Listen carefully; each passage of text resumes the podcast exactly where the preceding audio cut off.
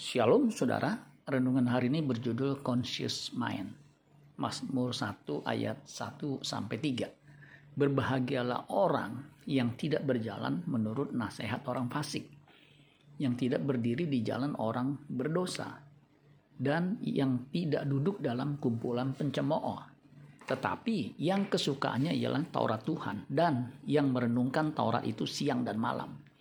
Ia seperti pohon yang ditanam di tepi aliran air yang menghasilkan buahnya pada musimnya dan yang tidak layu daunnya apa saja yang diperbuatnya berhasil. Ketika saya kecil saya ikut sekolah minggu yang selalu ditekankan oleh guru sekolah minggu adalah harus baca Alkitab dan berdoa setiap hari.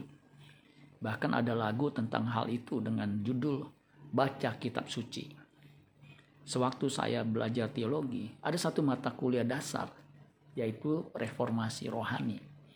Ternyata intinya sama dengan yang saya dapatkan sewaktu saya di sekolah minggu. Kalau kita mau bertumbuh dan berhasil menjadi serupa dengan Kristus, maka kita harus membaca dan merenungkan firman Tuhan siang dan malam.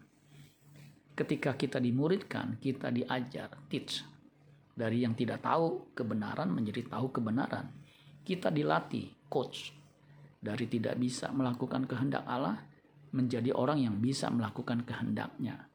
Kita di mentoring atau dibapain, fathering. Dari yang tidak mirip dengan gambar Bapak menjadi segambar dan serupa dengan Bapak. Bapak bahkan sempurna seperti Bapak.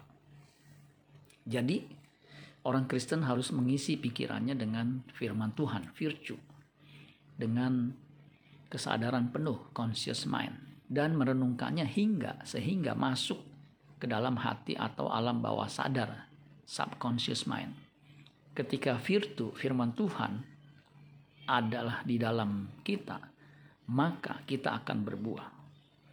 Yohanes 15 ayat 7 dan 8. Jikalau kamu tinggal di dalam aku dan firmanku tinggal di dalam kamu, mintalah apa saja yang kamu kehendaki dan kamu akan menerimanya dalam hal inilah Bapakku dipermuliakan, yaitu jika kamu berbuah banyak, dan dengan demikian kamu adalah murid-muridku. Amin buat firman Tuhan. Tuhan Yesus memberkati. Sola Gracia.